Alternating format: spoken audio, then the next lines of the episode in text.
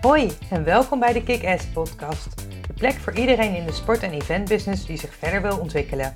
Mijn naam is Esther Huismans, ervaren professional in de sport- en eventwereld.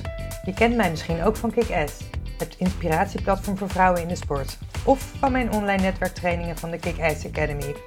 In deze podcast deel ik mijn tips en ervaringen en maak ik je deelgenoot van de weg die ik als ondernemer aan het afleggen ben.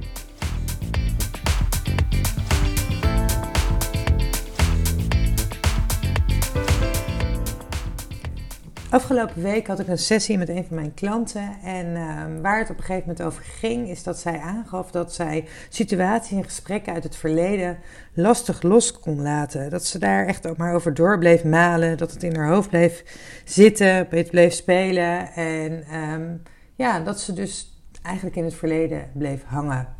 En omdat ik weet dat veel anderen hier ook last van hebben deel ik in, de podcast, uh, in deze podcast een aantal tips hierover. En ik stel je een aantal vragen. Want als jij hier last van hebt, dan uh, zul je uh, veel aan deze vragen hebben. Zelf kan ik eigenlijk het verleden heel makkelijk loslaten. Althans, ik zal er natuurlijk wel soms mee bezig zijn. Maar het heeft geen zin om druk te maken over situaties die in het verleden gebeurd zijn. Want ik kan daar niks meer aan veranderen. Dus het heeft totaal geen zin om je daar onwijs druk over te maken. Het is compleet zonde van je energie. Want hoe, hoe graag je het ook wilt, je kunt het verleden niet meer terugdraaien. Dus ja, op het moment dat je dat accepteert, dat is eigenlijk de eerste stap. Om dat te accepteren, dat los te laten. En dan te kijken, oké, maar wat kun je er daadwerkelijk mee doen? Want kun je er iets aan veranderen aan de situatie waardoor je je dus zo voelt, waardoor je bepaalde emoties hebt? Ga ook eens onderzoeken waar die emoties vandaan komen. Komt het door deze specifieke situatie? Komt het misschien door situaties uit het verre, verder verleden? Is er iets getriggerd bij jou waardoor je er zo ja, ja, mee rond blijft lopen of wakker van ligt?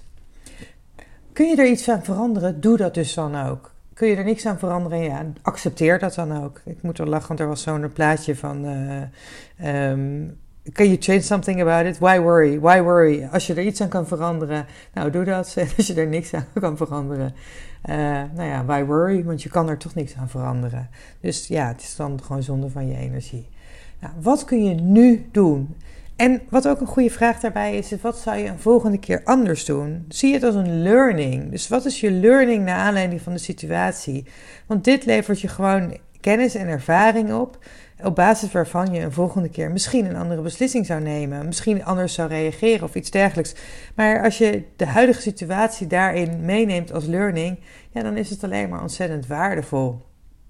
En een andere vraag, en die is misschien wat, uh, wat directer, maar wat levert je, het je op om erin te blijven hangen? Want het kan misschien best een excuus zijn om niet in actie te hoeven te komen, om niet verder te hoeven of iets dergelijks. Dus ja, ga dat eens voor jezelf na op het moment dat jij zo'n situatie hebt. En zelf moet ik denken aan de situatie in uh, september. Daar heb ik al eerder een volgens mij in mijn podcast over gesproken, in ieder geval een blog over geschreven. Ik kreeg een eh, slagboom op mijn hoofd in, uh, toen ik op Rodos was voor een singelreis. En ik kreeg toen ook de vraag, baal je daar niet flink van? En ik moest eigenlijk wel lachen om die uh, vraag. Nou, niet lachen om die vraag. Natuurlijk baal ik van de situatie, maar kan ik er iets aan veranderen? Of je zult er ongelooflijk van balen. Denk ja, tuurlijk, het is niet fijn. Maar ik kan het niet meer veranderen. Ik kan het niet meer terugdraaien. En de vraag ging eigenlijk een beetje daarover. Maar het is nou eenmaal gebeurd. Dus ja, ik, ik kan er heel boos over worden. Ik kan er heel verdrietig over worden.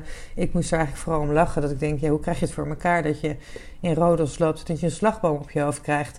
Wat eerst nog blij, vrij oké bleek leek te zijn... En s'nachts toch een hersenschudding bleek te zijn, waar ik nog echt wel eventjes een aantal weken uh, last van heb gehad. Maar wat ik al zei, voor mij was het dus dat, dat was dus totaal geen issue. En dat was eigenlijk, het, het is zonde van mijn energie, omdat ik er niks aan kon veranderen. Dus het is zonde van mijn energie om heel veel tijd aan balen te besteden. En wat ik dan probeer te doen is, ja, wat wil dit mij zeggen? Want soms kunnen dit soort dingen ook een teken zijn. Um, ik had toen in mijn inspiratieboost ook geschreven: If you don't pick a day to relax, your body will pick it for you. Um, en ja, ik was best wel aan het rondrennen in die periode. Ik was net voor UEFA aan de slag. Nou, met mijn klanten, uh, die reizen. Nou, gewoon bezig, bezig, bezig. Ik hou van bezig zijn. Maar soms is het ook goed om, uh, om de rust te pakken. En nou ja, nu koos mijn lichaam voor rust eigenlijk. Ehm, dus wat ik al zeg, ja, ik kijk dan vooral wat brengt het mij. Nou, het bracht mij rust. Ook het besef dat ik het rustiger aan moest doen en wat beter moest luisteren naar mijn lichaam. En wat mijn learning was, ja, pas op voor neervallen, neervallende slagbomen in het centrum van Rodos. En uh, ik merk dat ik nu nog af en toe nog steeds uh, met een boog om slagbomen heen loop. Nou, deze had ik echt niet gezien. Dus dat was, uh, het was gewoon heel druk, of het was druk, waardoor ik hem niet had gezien. Want anders denk je ook, nou, wat suf.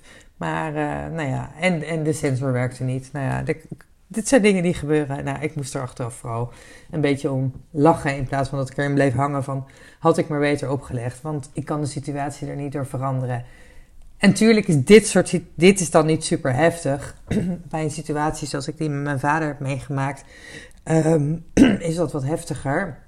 Ehm, ik heb in podcast 19 uh, eh, daar wat uitgebreider over verteld. Mijn vader heeft um, zelf 25 jaar geleden besloten om een einde aan zijn leven te maken.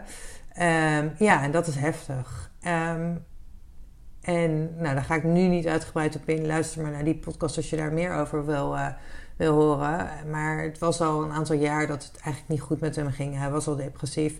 En wat, het, wat ik daarbij ook heb, is van kijk, ik kan de situatie niet meer veranderen. Ik krijg hem er niet mee terug. Weet je, ik krijg hem door terug te kijken. Had ik maar, of had ik dit maar anders gedaan uh, krijg ik hem niet meer terug. En tuurlijk had ik gewild dat ik, weet je, ik bedoel, wat had ik gewild? Ik had vooral heel veel, een hele dikke knuffel willen geven en zeggen: Papa, het is goed zo. Maar daarin, ik heb het toch het idee dat hij dat wel voelt. Maar ik krijg hem niet mee terug om alleen maar stil te blijven staan op dingen die ik anders had moeten doen of willen doen of iets dergelijks. En ik weet zeker dat hij ook niet had gewild dat ik bleef hangen in verdriet. En Natuurlijk heb ik heel veel verdriet gehad in die tijd. Nou, sowieso daarna ook nog wel. Maar vooral de eerste jaren is het natuurlijk gewoon zo intens. Maar ik ben wel meteen doorgegaan met leven. En ik weet zeker, en dat heeft hij ook toen geschreven, maar hij had gewild dat wij alles uit ons leven zouden halen. En dat doe ik ook.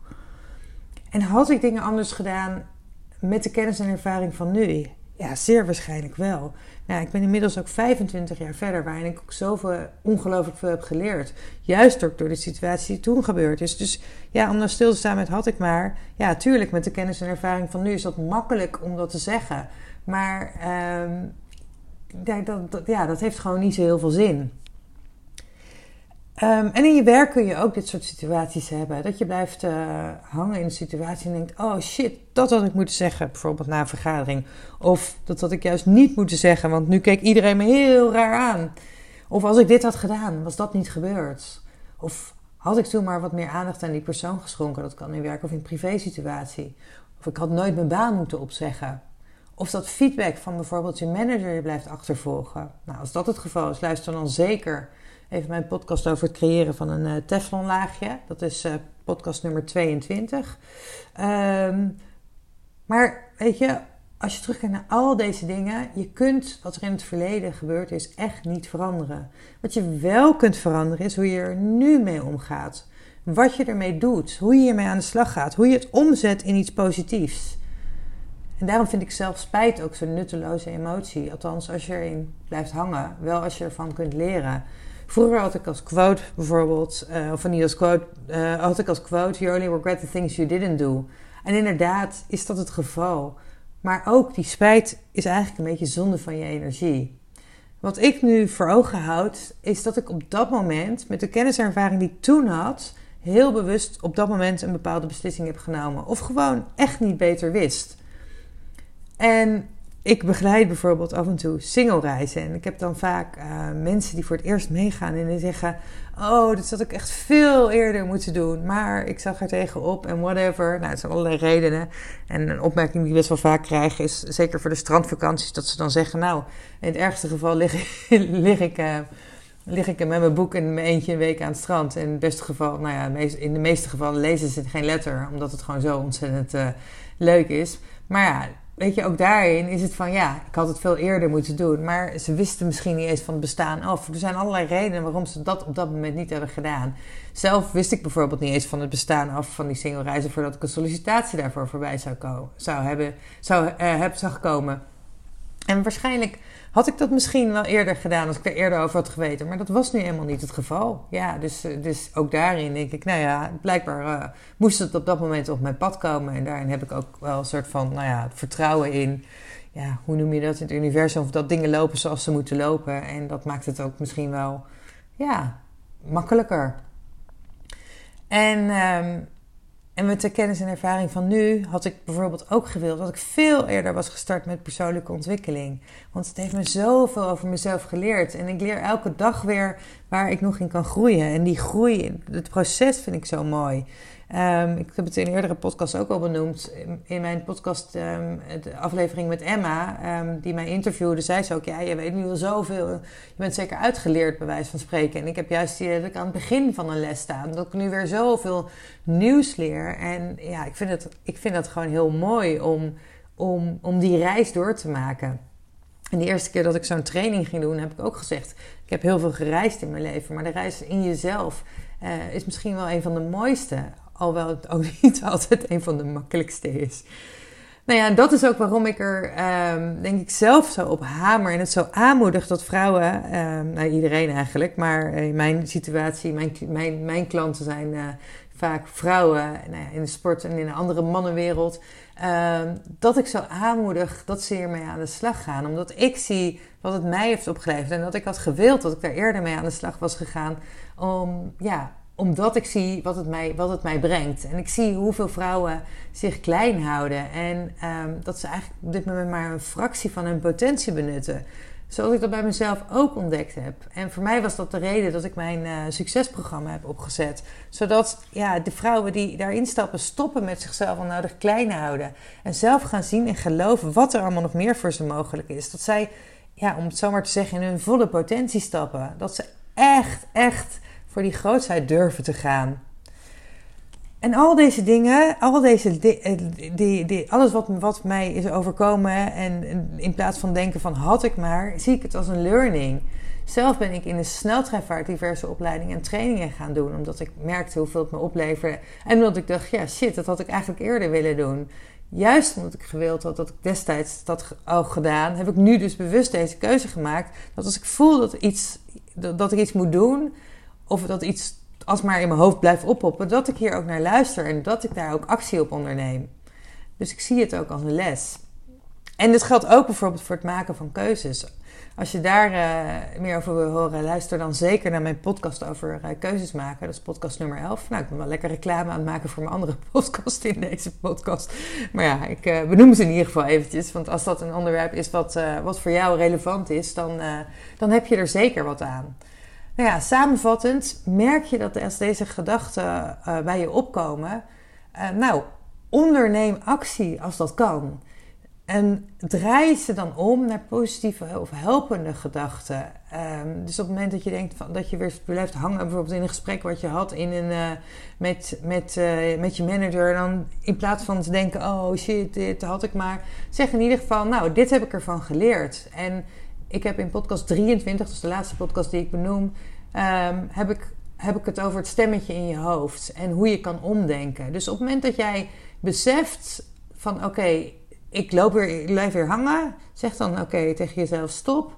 Ik draai het nu om naar iets positiefs. Van, oh ja, weet je, de volgende keer zou ik het, zal ik het anders doen. Ik had het misschien anders willen doen, maar daar kan, dat kan er niet meer. Maar een volgende keer heb ik dit en dit en dit ervan geleerd. En ja, met de kennis en ervaring van nu had ik misschien een andere beslissing genomen. Maar juist door het nemen van beslissing destijds, of uh, door die situatie destijds, weet ik dat nu. En uh, ja, van het achterom kijken, uh, krijg je alleen maar pijn in je nek. Van een slagboom op je hoofd kun je dat trouwens ook krijgen. Maar uh, houd dat in gedachten. Het is gewoon zonde van, je, van, van alles eigenlijk. Koester de lessen die je hebt geleerd. En onthoud, het beste moment om een boom te planten was 20 jaar geleden. Maar heb je dat niet gedaan, het ene beste moment is nu. En voel jij ook dat het voor jou tijd is om die boom te gaan planten? Tijd om voor je eigen groei te gaan kiezen. Tijd voor meer zelfvertrouwen en minder twijfel over van alles dan is mijn succesprogramma zeker wat voor jou. Meer informatie vind je op estherhuismans.com slash succes met dubbel S. Ehm, ik zal dit ook onder deze podcast eh, vermelden. Nou, dat was het weer voor vandaag.